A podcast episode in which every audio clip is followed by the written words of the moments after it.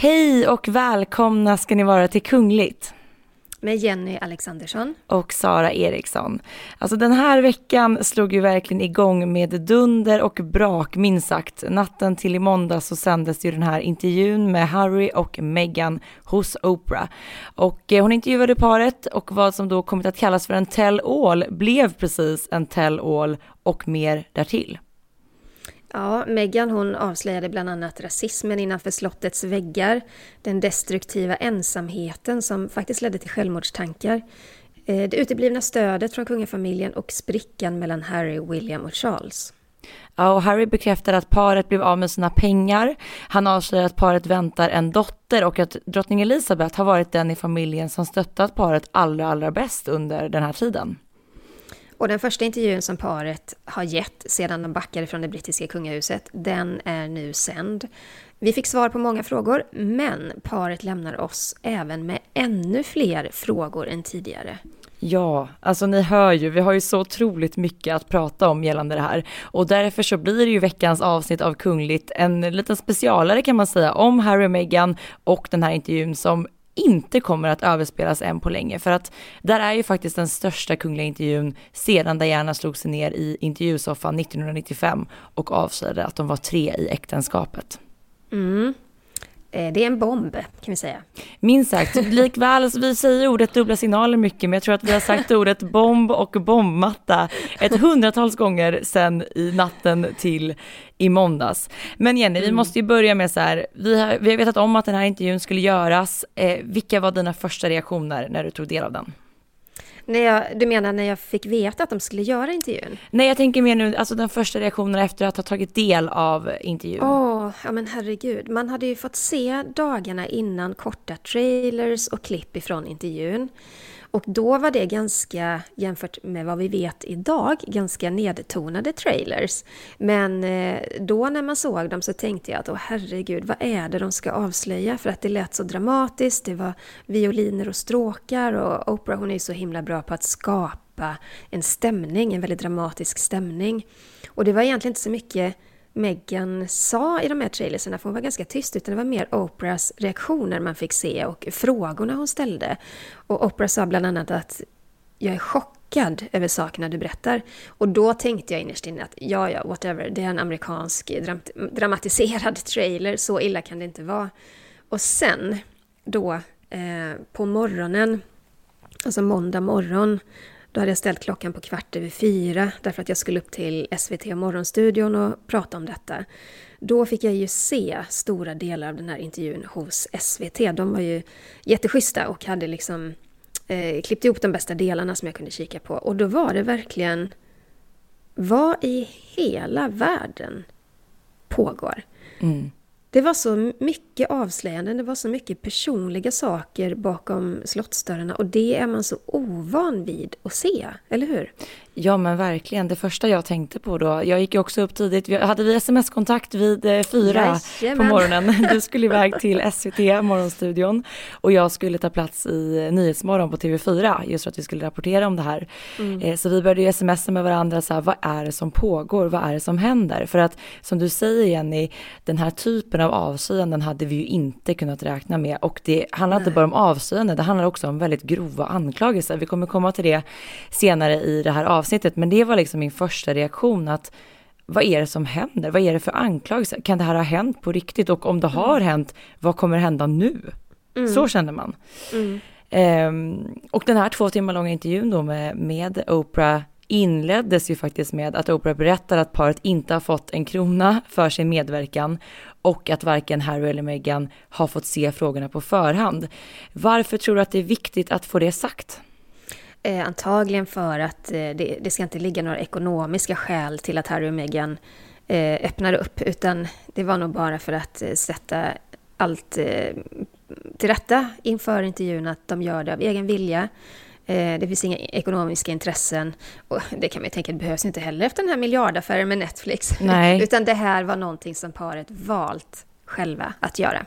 Just det. Men jag tycker att så innan vi går in på reaktioner ifrån omvärlden som jag tycker är väldigt intressant så tycker jag vi lyssnar lite på vad du sa i eh, Morgonstudion på SVT, Jenny att sätta sig ner och göra en tell-all, att verkligen berätta allt vad som händer bakom eh, de stängda slottsportarna. Och det var väl två saker som chockerade allra mest. Det första att det faktiskt finns en rasism innanför väggarna eh, och att de hade fått ett samtal kring barnets hudfärg, alltså det första barnet Archies hudfärg innan han föddes. Och det fanns en diskussion kring detta. Och den andra bomben som jag tyckte verkligen släpptes här det är att Meghan har mått så fruktansvärt dåligt. Man har ju anat mellan raderna när man har sett henne i andra intervjuer och i andra sammanhang att det har funnits ett mörker där. Hon har mått väldigt dåligt. Men hon pratar ju faktiskt om självmordstankar och att hon inte fick någon hjälp ifrån hovet. Ja, det är ju... Då hade jag precis eh, sett stora delar av, av den här intervjun och det är ju ändå... Det är ett historiskt ögonblick vi är med om på det viset att kungligheter av en, ja, men av en ung generation väljer att bryta lite de här osynliga reglerna om att eh, prata om kungafamiljen som en helt vanlig familj med splittringar och med konflikter. Och eh, Man pratar ju ofta om att eh, en kunglig familj måste ha en är av lite upphöjdhet för att ett folk ska kunna acceptera att de ska få alla de här privilegierna som det innebär att vara en kunglig familj. Och det, det kontraktet bryter ju Harry och Meghan mot nu på det viset att de tar ner den kungliga familjen på jorden. Det är samma reaktioner som alla vi andra skulle få när en familj är i kris. Um, och det berättar de om. Uh, det är väldigt spännande att se, tycker jag. Ja, och eh, reaktionerna har ju minst sagt varit många. En som har reagerat väldigt starkt är ju Piers Morgan i Storbritannien. Han var minst sagt upprörd när Storbritannien vaknade upp på måndagmorgonen och då hade tagit del av den här intervjun under natten. Ja, vi kan ju säga att Piers Morgan, han är ju då programledare för det här jättepopulära morgonprogrammet Good Morning Britain. Just det. Eh, och så här lät det eh, på måndagmorgonen. Eh, jag tror vi, det var nog alla som vaknade till i alla fall. Angry to the point of bawling over today. I'm sickened by what I've just had to watch. Okay, a number you know, of people might, your, be, no, no. might be upset. Sorry, you can come to your, you can defend it in a minute. I'm just going to say what I'm going to say. Okay. This is a two-hour trashathon of our royal family, of the monarchy, of everything the Queen has worked so hard for, and it's all been done as Prince Philip lies in hospital. Mm-hmm. They trash everybody. Ja du, vad ska man säga? Han kallar det ett skamligt svek gentemot kungafamiljen och drottningen. Eh, ja. det, är, det är fascinerande med honom för att han, är ju, han har ju alla år varit väldigt anti Harry och Meghan och det som Harry och Meghan gör. Och han är ju inte rädd för att, alltså han kan ju så här, sitta och rya i studion och han kan liksom ställa folk mot svars och han är väldigt så här, lite aggressiv kring det här kan man säga.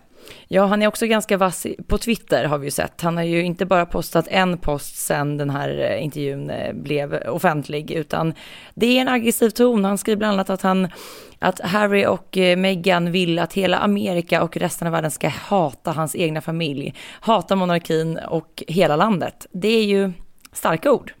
Ja, och så, han skriver också att jag föreslår att alla väntar eh, for the victim, victims of his wife's rampage. Alltså att eh, offren från Meghan, alltså Megans offer, eh, ska ha sitt att säga.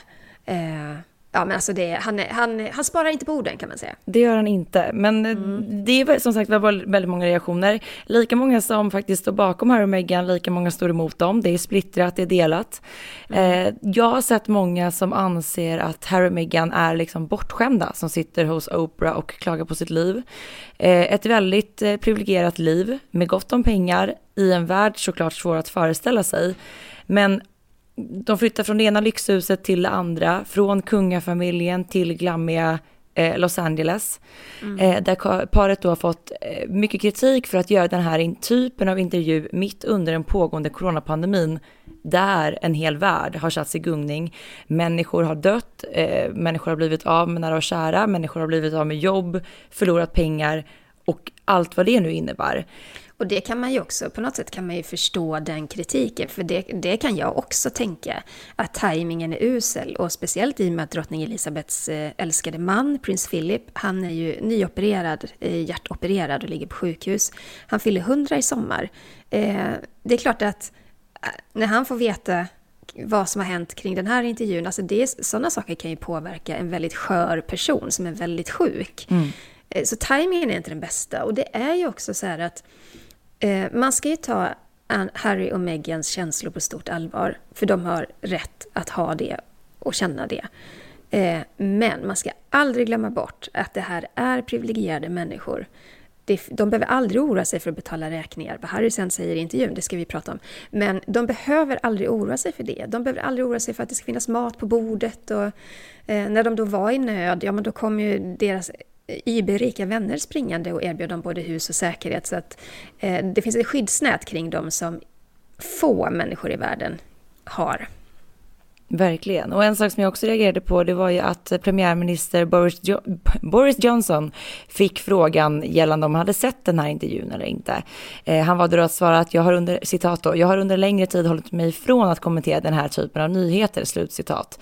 Men han passade faktiskt på att hylla drottning Elizabeth för hennes kraft att ena samhället. Eh, jag tycker det säger väldigt mycket om intervjuns storhet när premiärministern får frågor om den. Ja, och att det kommit på en sån hög nivå, att det engagerar även liksom den översta ledningen för, för Storbritannien.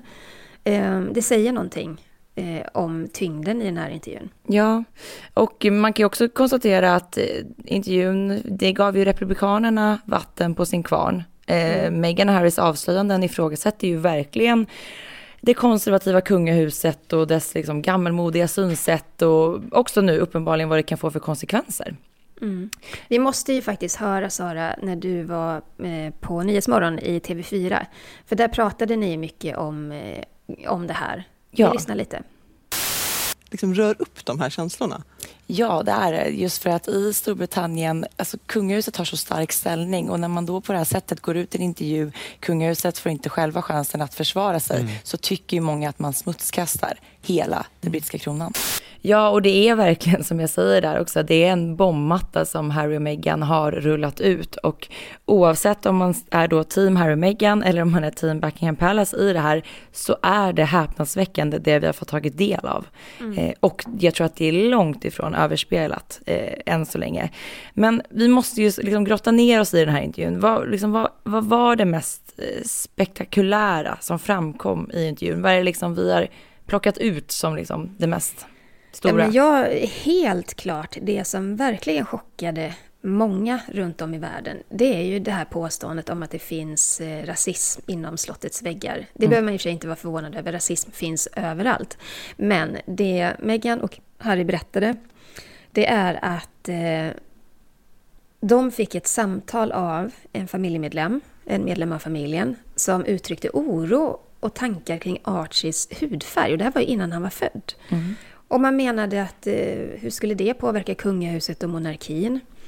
Och det är graverande, det, det är fruktansvärt. Vilken förälder vill ha en sån konversation? Och framförallt, eh, jag har så svårt att förstå det. Och Harry och Meghan, de vägrar ju att namnge någon. Eh, men sen har det kommit ett klargörande från Opera att Harry är noga med att det ska meddelas att det inte handlar om drottning Elizabeth. Och då har ju också, jag tror det är Chris Shipp som är eh, reporter på ITV, han har ju då eh, genom sina källor fått, eh, förstått då att eh, det mer handlar om prins Charles och William med fruar. Så det är alltså någon utav dem i familjen, enligt Chris Shipp. Precis, det måste också sägas. Men det är ju mm. precis det här som händer när den här typen av avslöjanden avslöjas i en intervju så här. För att det är ju ingen som har fått stå till svars eller svara på anklagelserna ifrån Harry och Meghan. Och då skapar ju det återigen sådana här spekulationer. Mm. Eh, och vi vet ju inte vem det är som har sagt vad, men att Harry och Meghan lyfter det här och att det ska ha pågått en diskussion om detta bakom slottets väggar. Eh, Meghan har fått utstå enormt mycket rasism i media, i sociala medier, men att det även har framkommit eh, inne på slottet är ju ny information och fruktansvärd information. Det är det verkligen. En annan sak som, som både du och jag verkligen la märke till, det är ju också de här uppgiften om att Meghan måd, mådde fruktansvärt dåligt. Det har man ju kunnat se mellan raderna i andra intervjuer och, och liksom i andra sammanhang där hon har befunnit sig, att hon har inte mått bra. Men hon har mått så dåligt att hon faktiskt funderade på att ta sitt liv. Och där, att hamna i det läget är ju, det är fruktansvärt. Och ännu värre är att hon då inte fick något stöd av hovet. Hon berättar i intervjun att hon faktiskt till och med skickade ett mejl, att hon skrev om sitt mående, att hon desperat behövde hjälp. Men det svar hon hade fått var i stort sett att hon är inte någon heltidsarbetande kunglighet och kan därför inte förvänta sig hjälp. Och där så återupprepas ju historien igen med tanke på vad Diana har berättat i tidigare, vid tidigare tillfällen att hon själv också kände sig otroligt ensam i sin roll i den kungliga världen och blev självmordsbenägen. Ehm. Men är inte det här konstigt Sara? För jag menar om man är en kunglig familj som är väldigt tajt, eh, man vet hur det här jobbet funkar, man är ganska isolerad i att omvärlden inte riktigt kan förstå. Man, man har en stor institution som hovet är. Varför skulle det inte finnas hjälp för en, om vi säger då halvt arbetande kunglighet, att faktiskt få hjälp?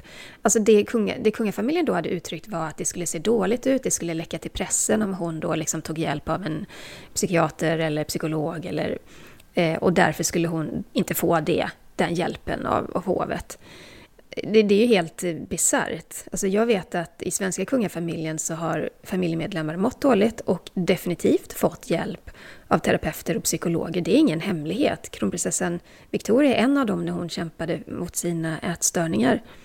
Varför ska man skämmas över det? Varför ska... Och framförallt varför ska det finnas en rädsla att det ska läcka till, till pressen? Fokus borde ju ändå vara på människan som mår så fruktansvärt dåligt. Mm. Och det som är liksom lite intressant i det hela det är att man, om man kollar historiskt sett och även börjar närma sig nutid och nu med Meghan och Harry. Eh, finns det något kungahus som har haft och skapat så mycket känslomässigt kaos som det brittiska? Jag tänker, alltså det är verkligen så det ser ut och det är tydligen där då man inte ska få någon hjälp. Det är helt bisarrt. Jag förstår inte det. Det är starka avstånden ifrån Meghan, men hon är också väldigt tydlig i intervjun med att hon har fått ett väldigt bra stöd av Harry i, mm. under den här resan. Och Harry själv berättar ju att han skäms över att hans familj är så dåliga på att prata om det här eller att inte den här hjälpen finns att få. Eh, och då, då engagerar sig ju ändå både William och Harry i de här, de har ju en, eller hade en gemensam organisation, Head Together, eller hur? Just det. Precis. Som handlade om mental ohälsa. Den handlar framförallt om att man ska prata om det. Ja, och jag menar, eh, det finns ju som samtalsämne i, i kungahuset då, det är inga konstigheter. Men en annan detalj, i samband med att Meghan berättar om att Archie, som då ännu inte var född, att hans hudfärg har diskuterats.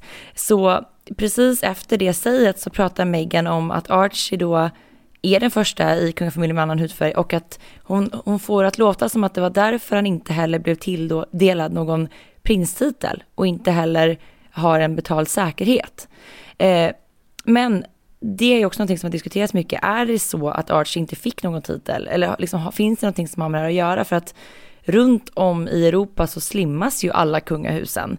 Och mm. allt fler kungahus i Europa klipper av grenar. Vi har sett det även här i Sverige. Och Harry och Meghan var liksom tydliga själva när Archie föddes om att deras son inte skulle ha en lika framträdande roll inom den brittiska monarkin. Och det tar ju Meghan tillbaka i intervjun och menar att eh, eh, det var inte så, utan det var kungahuset som tog det beslutet. Mm. De hade nog gärna sett en, en titel på honom.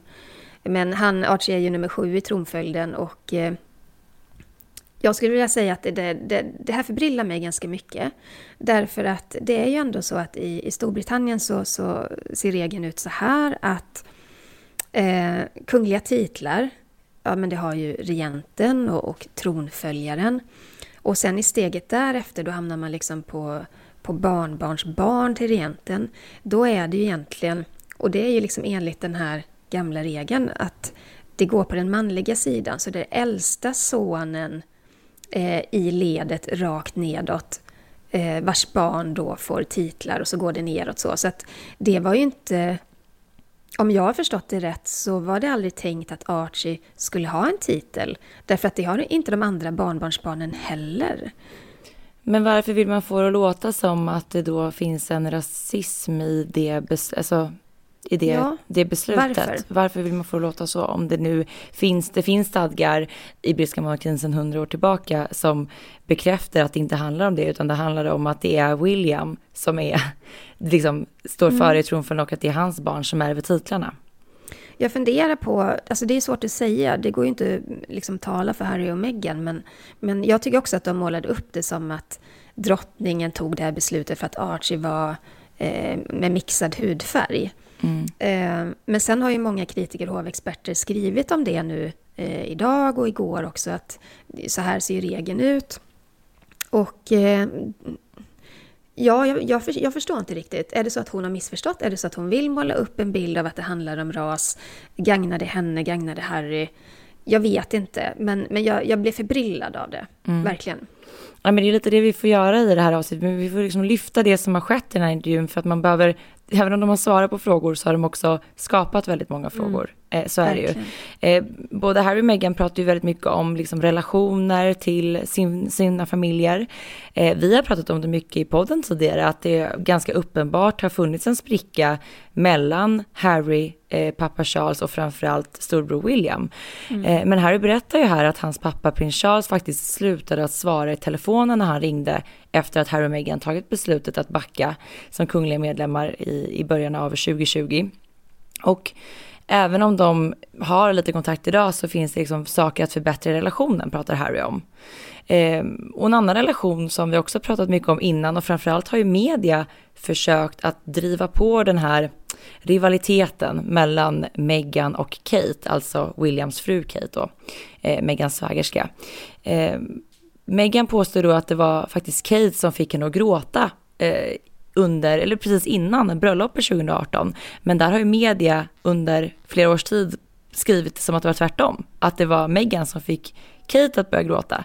Ja, Meghan menar ju att hovet inte hjälpte till att dementera de här ryktena eh, om att Meghan ska ha fått Kate att gråta. Eh, och det var otroligt mycket skriverier. Det lustiga är att eh, gårdagens eh, tidningar i Storbritannien, de, de två största som eh, min kollega Petter Larsson visade upp i tv-sändningen, där hade man ju på omslaget dragit jättestort på den här konflikten mellan Meghan och Kate. Mm. Så att det är någonting som intresserar britterna oerhört mycket. Och eh, Meghan då förnekar att eh, hon fått sin svägerska gråta, det var tvärtom. Men det här är ju, det är ju Meghans sida av, av saken. Eh, och sen måste man ändå kommentera just det här med att hovet inte hjälpte till att dementera. Eh, hovet går ju ut och dementerar ibland när det, är, när det är allvarliga anklagelser och på något sätt kan jag förstå Megans känsla av att eh, de här skriverierna, om de då var falska, de svärtar ju ner hennes person, det gör det ju. Men sen tror jag inte att hovet går in just i sådana här du vet när det handlar om personliga bråk riktigt på det här viset. Alltså de, hovet är ganska sparsmakade med att dementera saker. Annars skulle de inte behövt göra något annat hela dagen, att börja dementera Nej, saker från tabloiderna. Och där tänker jag också att där och då tänker man ett gråt, ett litet bråk, det händer alla, men i det här fallet så blir det till en så stor grej, eh, såklart. Mm. Men jag undrar då om Meghan tycker att det var olustigt att media skrev om att om det som hade hänt som inte var en sanning. Varför är det så viktigt för henne att få berätta att Kate har gjort henne illa mm. i, i det här läget. Varför, varför vill hon ha det sagt? Vad, vad får hon ut av det som person? Uppenbarligen så har hon ju tagit eh, väldigt illa vid sig av att det har skrivits om en konflikt mellan de här kvinnorna, och mellan henne och Kate. Mm. Eh, de hint, både Harry och hon hintar ju också om att det funnits en svartsjuka. Just eh, deras första gemensamma resa gick ju till Australien och de australiska öarna. Eh, och det var ju en stor su succé. Och det berättar också Meghan och Harry att alla var jätteglada för deras skull för att det hade gått så bra. Och Meghan hade skött sig jättesnyggt och hon var älskad och omtyckt. Och så hintar de där om att historien upprepar sig. För det finns ju då också, det har man kunnat se i The Crown till exempel, att när Charles och Diana åkte på sin första resa till Austra Australien så hände samma sak, att det gick så fantastiskt bra, att det fanns krafter inom kungafamiljen som blev avundsjuka. Så de, de hintar mycket åt det. Men, men till att dra, dra det till att Kate och William skulle vara avundsjuka på en succé turné i Australien. Jag vet inte. Det, det är så mycket undertoner i det här som är så svåra att tolka tycker jag. Eller är det så att brittisk press gärna vill måla upp det på det sättet för att man ska se eh, liksom den här historien återupprepas, så man ska kunna dra mm. eh, liksom, kopplingar till den och framförallt nu när alla är så insatta i senaste säsongen av The Crown tänker jag, vi blir mm. påminda om allt det här. Det är att så det svårt. Ja men precis. Ja. Eh, apropå det, om vi nu pratar om dramatisering, det är ju lite intressant just att det är ju jättemånga som har sagt det att alltså som en reaktion på Harry och Megans intervju, att så här, vi har redan Netflix, ni behöver inte göra det här. ja. ja, det är lite, det är lite humor i det ja, hela ändå, liksom. Om man nu ska se den här tragiska situationen med humor, men det får man väl göra också. Men apropå Netflix, så kommer vi ganska så smidigt in på en annan del som lyfts i den här intervjun då. Eh, mm. Det handlar ju om att Harry berättar att han inte längre får någon del av sin fars pengar. Eh, att prins Charles avslutade de här regelbundna utbetalningarna i början av 2020. Och där så försvarar då Harry varför, alltså det var därför paret tackade ja till Netflix. Och hela den här monsterdealen, att de helt enkelt var tvungna att göra det av ekonomiska skäl. Mm. Ja, det där är spännande. Det är ju så att eh, eh, både William och Harry fick ju del av eh, pengarna som kommer ifrån prins Charles hertigdöme och det är väl Cornwall? Ja, hur? precis. Eh, och eh, de, Harry och William får då varje år dela på, jag tror det var 56 miljoner. Det, så det, det handlar om mycket pengar. Och det har ju Harry kanske känt att han har liksom en rätt till hela tiden. Men hans pappa då stängde av de utbetalningarna. Eh, därför fick han då använda Dianas arv och det arvet låg på, om jag minns rätt, ungefär 118 miljoner. Det har väl stigit i, i värde sedan dess då kanske. Men, eh, så det är inte så att Harry var fattig på något vis. Men det är klart att de har en livsstil som kostar pengar, så är det ju. Och säkerhet kostar pengar. Och just säkerheten tar han ju upp då i intervjun. Mm. Och, eh, och ja, att tacka ja till Netflix. Vet du vad? Hade någon erbjudit mig nära en miljard kronor för att spela in lite tv-serier och poddar, ja då hade jag också tackat ja till Netflix. Det kan jag säga. Ja, jag med faktiskt, det mm. hakar jag på. Mm. Eh, men det blir också någon form av, alltså Harry mm, delar ju någon form av konflikt i det där, i och med att han berättar det här med att han inte fick några utbetalningar. I samma veva berättar han det här med att Charles slutat svara till telefon. Mm. Eh, han säger bland annat så här, citat, han slutade svara på mina samtal för att jag tog saken i egna händer, slutcitat. Och Harry berättar även vidare att han alltid kommer att älska sin pappa, men att det har varit mycket smärta. Eh, och att han vill då försöka läka den här relationen. Men den här pengasituationen i kombination med den här relationen till pappa Charles, det, han målar ju upp det som att den är värre än vad vi har trott, eller hur? Jag tror att den är det. det var, jag tyckte det gjorde ont i hjärtat när han... Man ser liksom i Harrys ansikte när han pratar om sin pappa att han kommer göra allt för att prioritera och läka relationen. Att det där gjorde ont i honom. Mm. Det där var inte Alltså han har förlorat sin mamma. Jag tror inte han är beredd på att förlora sin pappa för att han tar det här beslutet att lämna kungahuset. Nej. Men liksom är paret barskrapade utan Charles pengar? Jag menar, Meghan har ju haft sin karriär innan, hon har ju liksom tjänat pengar som skådespelerska. Harry, han måste ju ha liksom sparat pengar.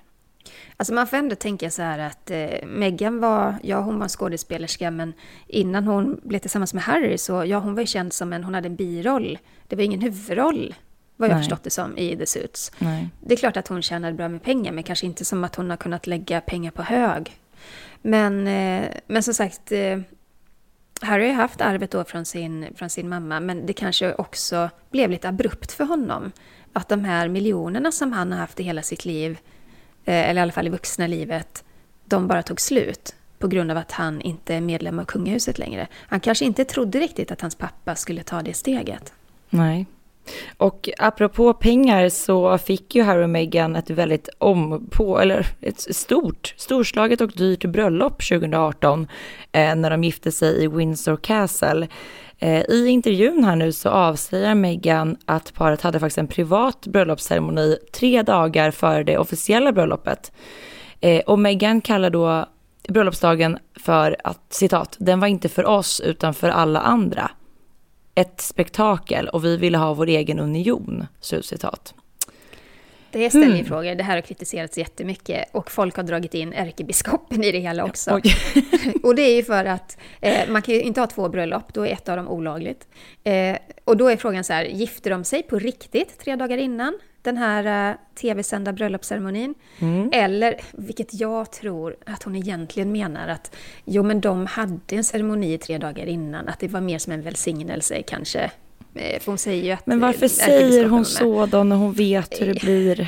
Ja... Folk blir galna. Ja, folk blir galna.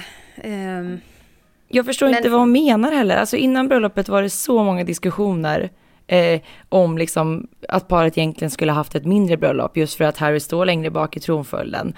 Mm. Eh, men där tryckte de ju själva på att de ville ha ett större bröllop, de ville ha en kostsam kortege och nu två och ett halvt år senare sitter Meghan och kallar det för spektakel och att det inte var deras dag utan alla andras. Alltså det är lite respektlöst, det tycker jag. För det handlar om väldigt mycket pengar, skattepengar. Det är folk som har betalat för det här bröllopet. Eh, det kan jag tycka är lite brist på, på respekt. Men kanske också säger något om synen på, eller alltså parets syn på, på pengar kanske. Ja.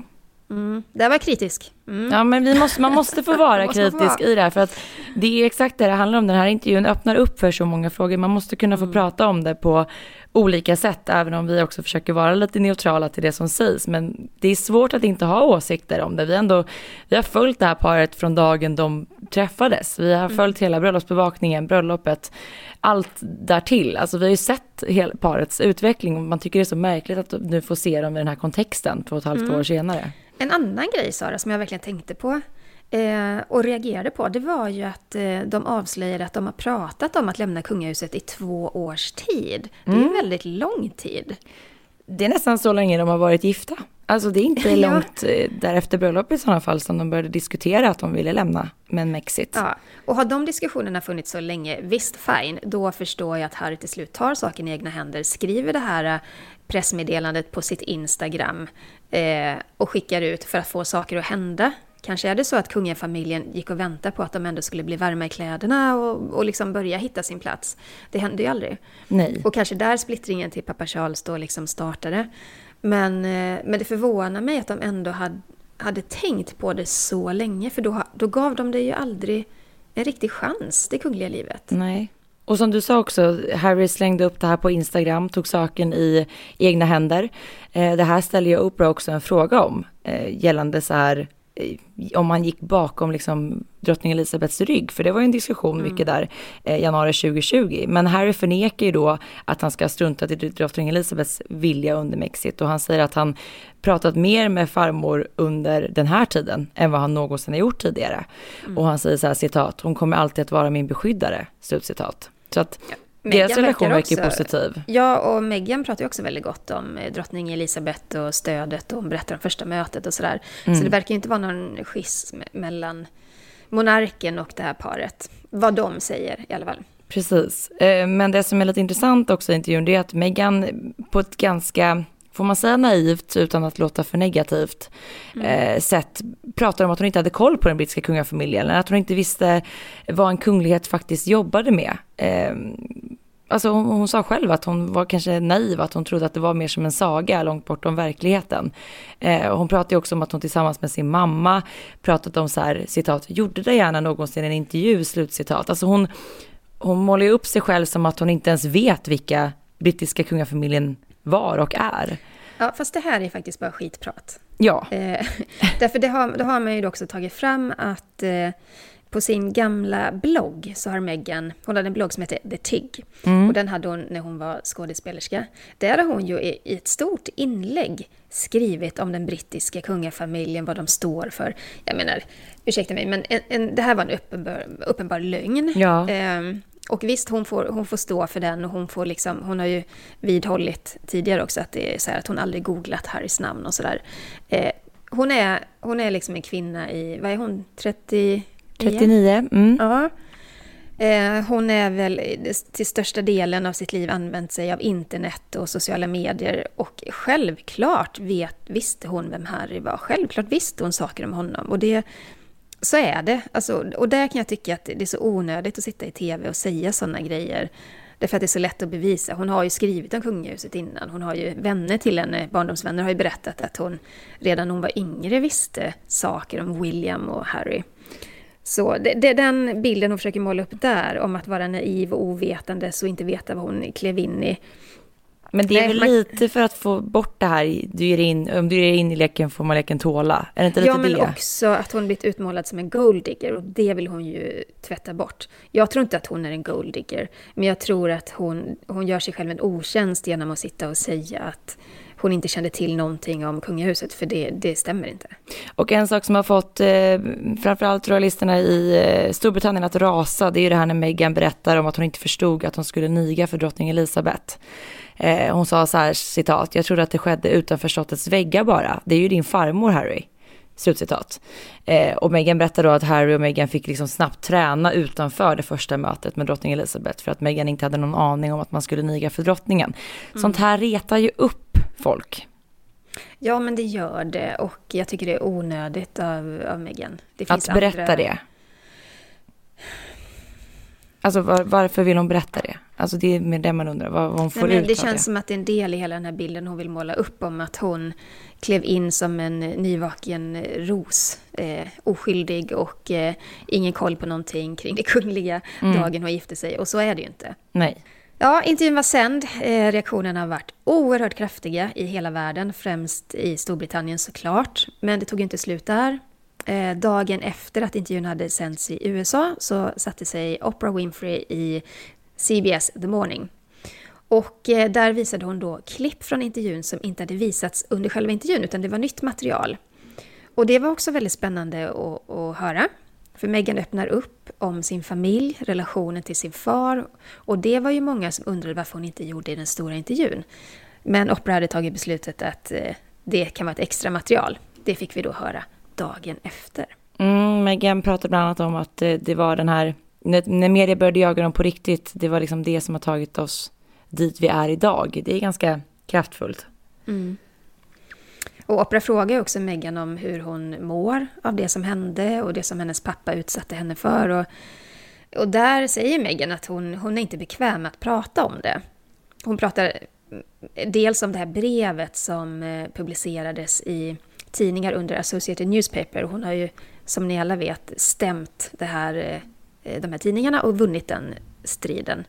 Men hon säger då att brevet publicerades för att skapa drama. De rapporterar inte nyheter, de skapar nyheter, säger hon då om, mm. brittiska medier. Mm. Och så menar hon på att eh, nu när jag är mamma själv så kan jag inte alls förstå min pappa, att han inte ville skydda mig, sin dotter. Eh, jag tittar på Archie och kan inte förstå hur man, inte, alltså hur man kan vilja skapa olycka för sitt barn. Och där kan man väl verkligen hålla med henne. Alltså det hennes pappa gjorde, att sälja paparazzi-bilder och historier om sin dotter, eh, det är förskräckligt. Ja, det har varit fruktansvärt. Han har verkligen betett sig illa gentemot sin dotter. Och mm. Meghan berättar, eller bekräftar väl med, det kunde vi alla ana, att hennes pappa har ju all, faktiskt aldrig träffat varken Harry eller Archie. Nej, och han var ju inte på bröllopet 2018 heller. Men det dröjde ju inte länge. Eh, det här rullade ut gällande Megans relation till hennes pappa, men det dröjde inte länge förrän Megans pappa då, Thomas Markle, slog tillbaka i morgonsoffan hos, hos eh, Good Morning Britain. Ja, och då var han ju gäst hos Eh, Piers Morgan, den här omtalade journalisten och eh, programledaren som vi pratade om tidigt i programmet. Med så mycket temperament. Han har mycket temperament. Mm. Men eh, Megans pappa var med på länk i alla fall. Och eh, han deklarerar att vi gör alla våra misstag. Men jag har aldrig spelat, eh, vad säger man, klädbiljard eller klätt ut mig till Hitler som Harry har gjort. Och klädbiljard eller nakenbiljard, det ni kanske minns att det kom bilder från Los Angeles för många år sedan när Harry och eh, ett gäng killar och tjejer hade spa, äh, spelat klädpoker fast med biljard. Liksom. Så han stod där naken och höll i sin, sin eh, könsdel. Vad fint sagt Jenny. Ja. Men det jag undrar är så här, vad vill Thomas Markle få ut med den, det säget? Jag menar, han har sålt ut sin dotter till media, han har sålt alltså brev som hon har skickat till honom, personliga brev. Och han jämför det med att Harry på fyllan troligtvis spelat nakenbiljard. Mm. Va? Nej men det här är kanske ett sätt att, eh, det är väldigt mycket starka känslor i det här. Mm. Hade jag varit Megans pappa så hade jag nog kanske bara lagt mig platt och sagt att jag vill ha en relation med min dotter. Mm. Kan vi gå vidare? Kan vi, kan vi förlåta allt och gå vidare? Nej, här ska det då slås tillbaka. Eh, han ber visserligen om ursäkt för den här dealen som han gjorde med paparazzis innan bröllopet, där han sålde bilder på sig själv. Och han bönar ju och ber faktiskt paret om att de ska träffas nu när de bor lite närmare varandra. Men eh, under det här så ligger det ju massa så nålstick hela tiden. Mm. Och han, eh, han förnekar ju det som Meghan och Harry har pratat om i intervjun när han säger att den kungliga familjen och britterna, de är inte alls rasister. Och så kallar han Megans påstående då för ren bullshit. Så där Men, kommer det ett stick ja. i ryggen igen. Och han pratar ju också om så att det, inte, att det inte bara är han som har gjort fel utan att också Meghan har vägrat ta kontakt med honom efter hjärtoperationen. Vilket inte är så konstigt med tanke på att han då hade eh, haft den här dealen med paparazzis. Eh, och Thomas Marker säger även att jag kommer alltid vara där för henne. Men om vi nu ska, vi pratar mycket dubbla signaler med Harry och Meghan. Det är ganska mycket dubbla signaler i Thomas Markels uttalande också för att han pratar om eh, klädpoker och att Harry klätt ut sig till Hitler. Han pratar om att han ber om ursäkt och samtidigt säger han att det paret säger är bullshit. Så att jag vet inte, det är ungefär fyra olika budskap i samma framträdande. Jag hade precis samma tanke. Det är så dubbla signaler. Ja, och ja. om vi är ändå är inne på Megans familj så får ju faktiskt Megan frågan om hur relationen med hennes syster Samantha ser ut. Eh, mm. Och eh, liksom hur den hon har faktiskt skrivit den här boken ju om Meghan. Eh, ja, en tell all-bok om sin halvsyster. Och då säger Meghan så här att det är svårt för henne att berätta allt om, om Meghan eftersom att hon inte känner henne. Eh, och Meghan säger även att hon inte känner sig bekväm att prata om människor hon inte känner. Och hon berättar att sista gången hon såg sin syster var 19 år sedan och innan dess hade de inte setts på 10 år. Och Meghan bekräftar också att de inte växte upp ihop utan att de har liksom bott på, på skilda platser. Och där säger också Meghan att hennes syster bytte tillbaka till efternamnet Markle i samband med att, att eh, Meghan började dejta Harry. Ja, som att det skulle vara något så här planerat liksom. Precis. Uh, men sen har ju då Samantha slagit tillbaka såklart. Det är, vi pratar om en bombmatta här med Det är skytte, skyttegravskrig liksom, fram och tillbaka. Och då har Samantha blivit intervjuad efter intervjun.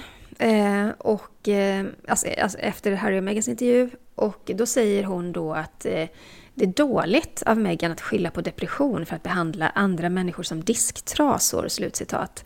Alltså hon påstår att Meghan ljuger. Mm. Hon, eh, just det här med att när Meghan säger att det var 19 år sedan jag såg Samantha. Då har Samantha kunnat visa upp att det finns bilder på när de sätts i samband med Megans student. Mm. Och hon säger också att det är lögn att hon ska ändra ett efternamn i samband med att Harry och Meghan började dejta. Och så visar hon upp ett bevis på att hon ändrade sitt namn redan 1997. Eh, så det här är ju ord men, står mot ja. ord, men jag menar, kan, alltså det får man ju ändå säga, om Samantha kan visa upp bilder på att de har setts tidigare, ja, då är det ju så. Och eh, har de bytt namn 97, ja men då har hon gjort det. Så där har väl Meghan eh, målat upp en annan bild helt enkelt. Ja, och det som också är intressant då i Oprahs framträdande här efter intervjun, det är att Oprah själv jämför Meghan och hennes pappas relation med relationen som nu är mellan William och Harry. Eh, känsligt. Eh, hon säger bland annat så här, det finns en distans och att det över tid kanske kan bli bättre, men för nu är det tydligt nej. Slutcitat.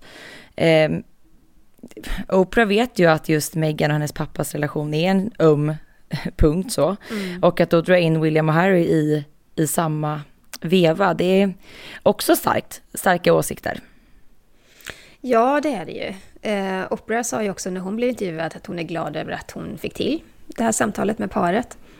Och eh, hon berättade att hon kontaktade ju Meghan redan 2018 och då blev det ju ingen intervju. Eh, och där och då hade tydligen Meghan berättat för Oprah att hon hade blivit tillsagd, och jag antar att det är av hovet då, eller kungafamiljen, att det vore bäst om Meghan kunde bli 50% mindre av sin egen personlighet. Ja, vad trevligt. Eh, och redan då så, så hade, förstod jag det rätt, att det var Oprah som hade trott då att Meghan inte kommer överleva detta. Ja.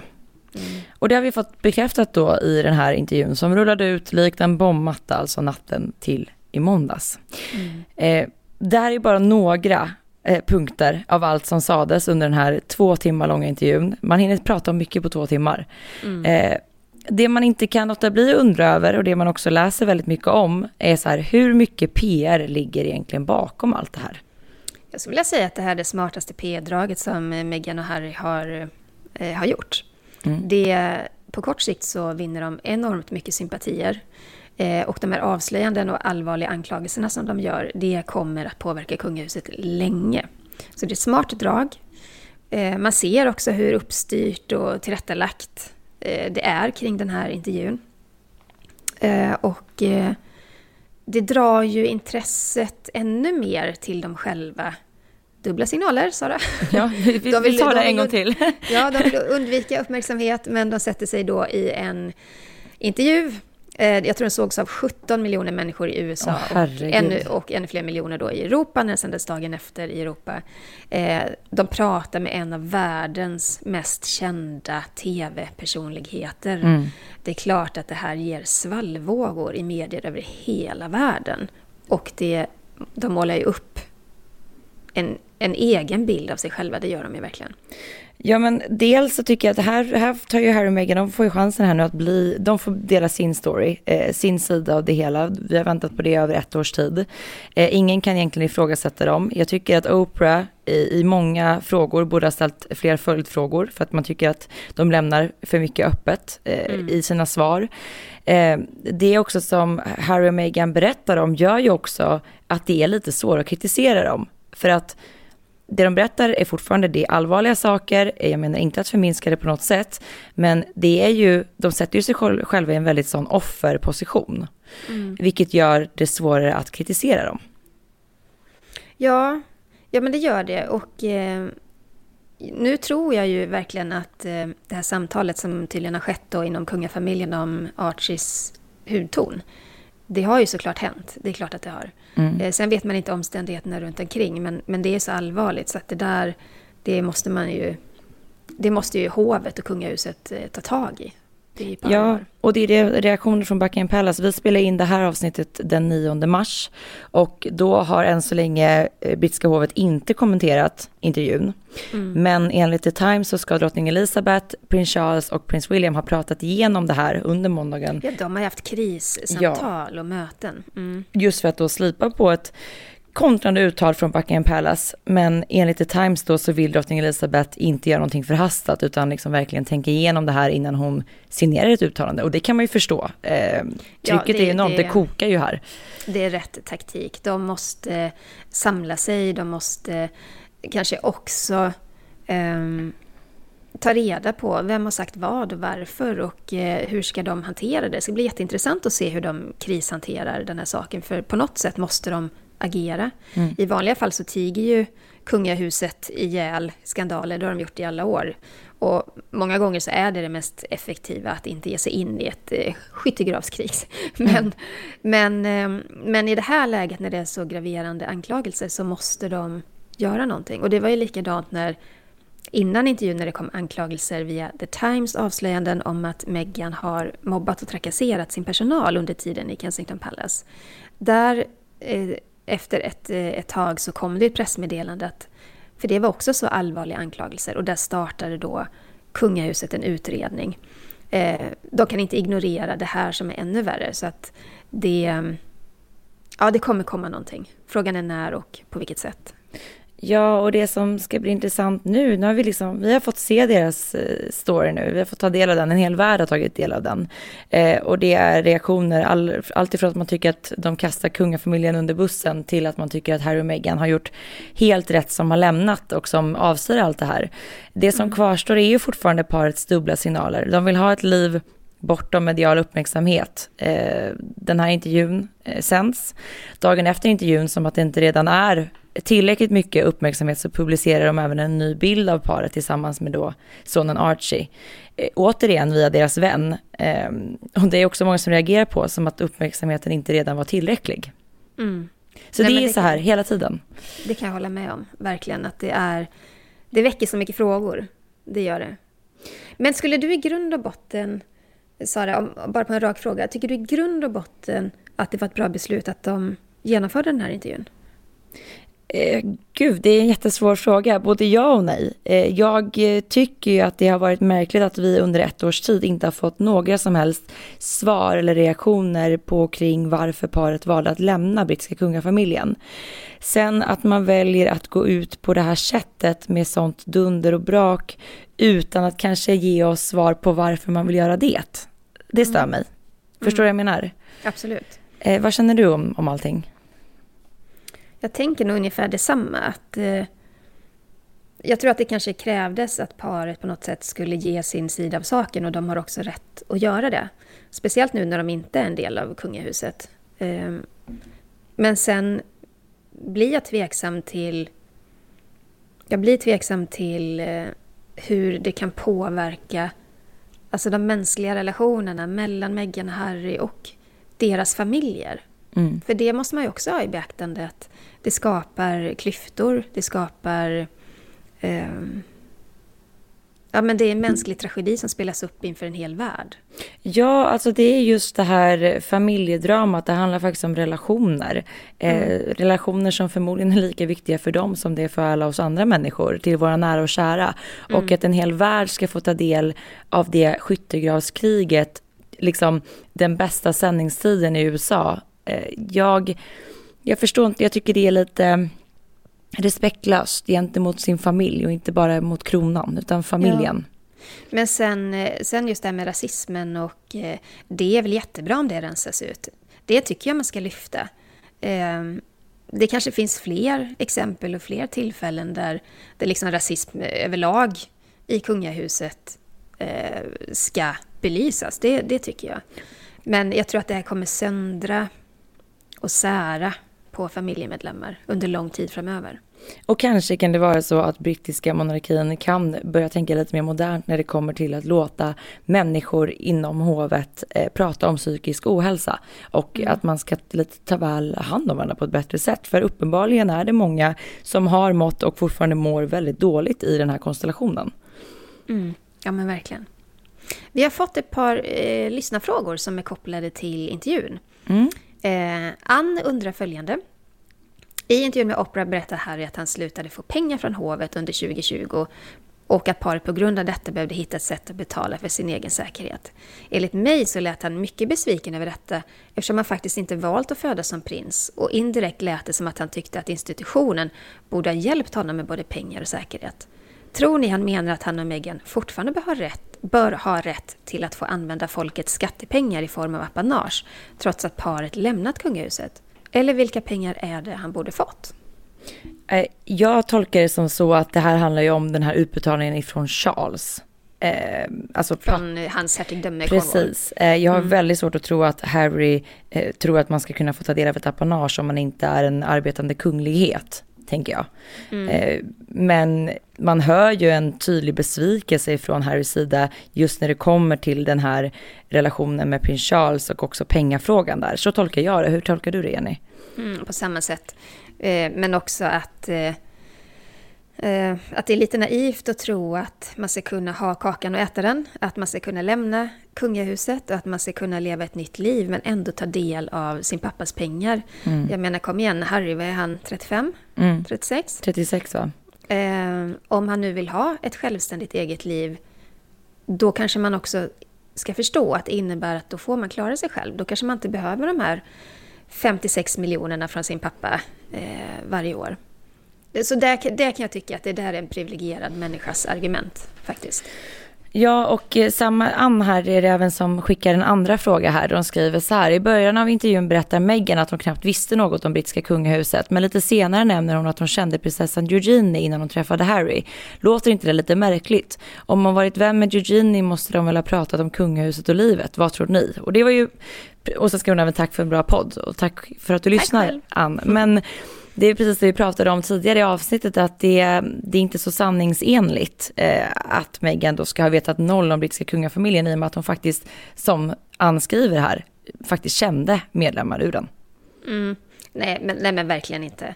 Eh, men det är väl också en del i den här bilden som Meghan och Harry vill måla upp av sig själva och kanske då Meghan särskilt om eh, hur naiv och oskyldig hon var när hon klev in i det där hemska, fruktansvärda kungahuset. Mm. Nej, skämt åsido, eh, det är klart att det är märkligt. Eh, om hon kände Eugenie och umgicks med Eugenie. Eh, det är klart att de har pratat om Eugenies liv också. Så är det ju. Nu har vi liksom pratat på här i över 50 minuter om det här och det känns som att vi fortfarande har liksom kanske bara pratat om 10% av hela intervjun, men vi vill ju på något sätt bara försöka sammanfatta och liksom plocka ut några highlights och liksom prata vidare om dem. Eh, vi tycker det är jätteintressant att höra vad ni tycker och tänker om allt det här, för det är så, många, så blandade åsikter. Eh, hör gärna av er till oss, antingen via kungligt.aftonbladet.se med lyssnarfrågor eller tankar, idéer eller via våra Instagramkonton. Var hittar man dig Jenny? Jag finns på Kungligt med Jenny på Instagram. Och jag finns på royalistan.se. Vi får hoppas att det blir en lugnare helg nu Jenny, vad säger du? Jag vet i alla fall att den här dagen inte kommer vara lugnare. Nu påbörjas eh, dag två av journalistiskt arbete kring Harry och Meghan. Eh, det är bara spännande och intressant. Så det, det, tar jag gärna. Det är kul när det väl händer saker och det är kul att få vara en del av av allt det här och rapportera kring det. Det är faktiskt väldigt Absolut. intressant. Tack snälla för att ni har lyssnat. Tack, tack. Vi hörs om en vecka. Hej då. hej då.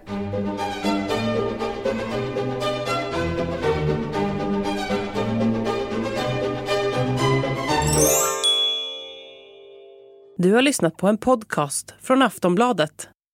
Ansvarig utgivare är Lena K Samuelsson.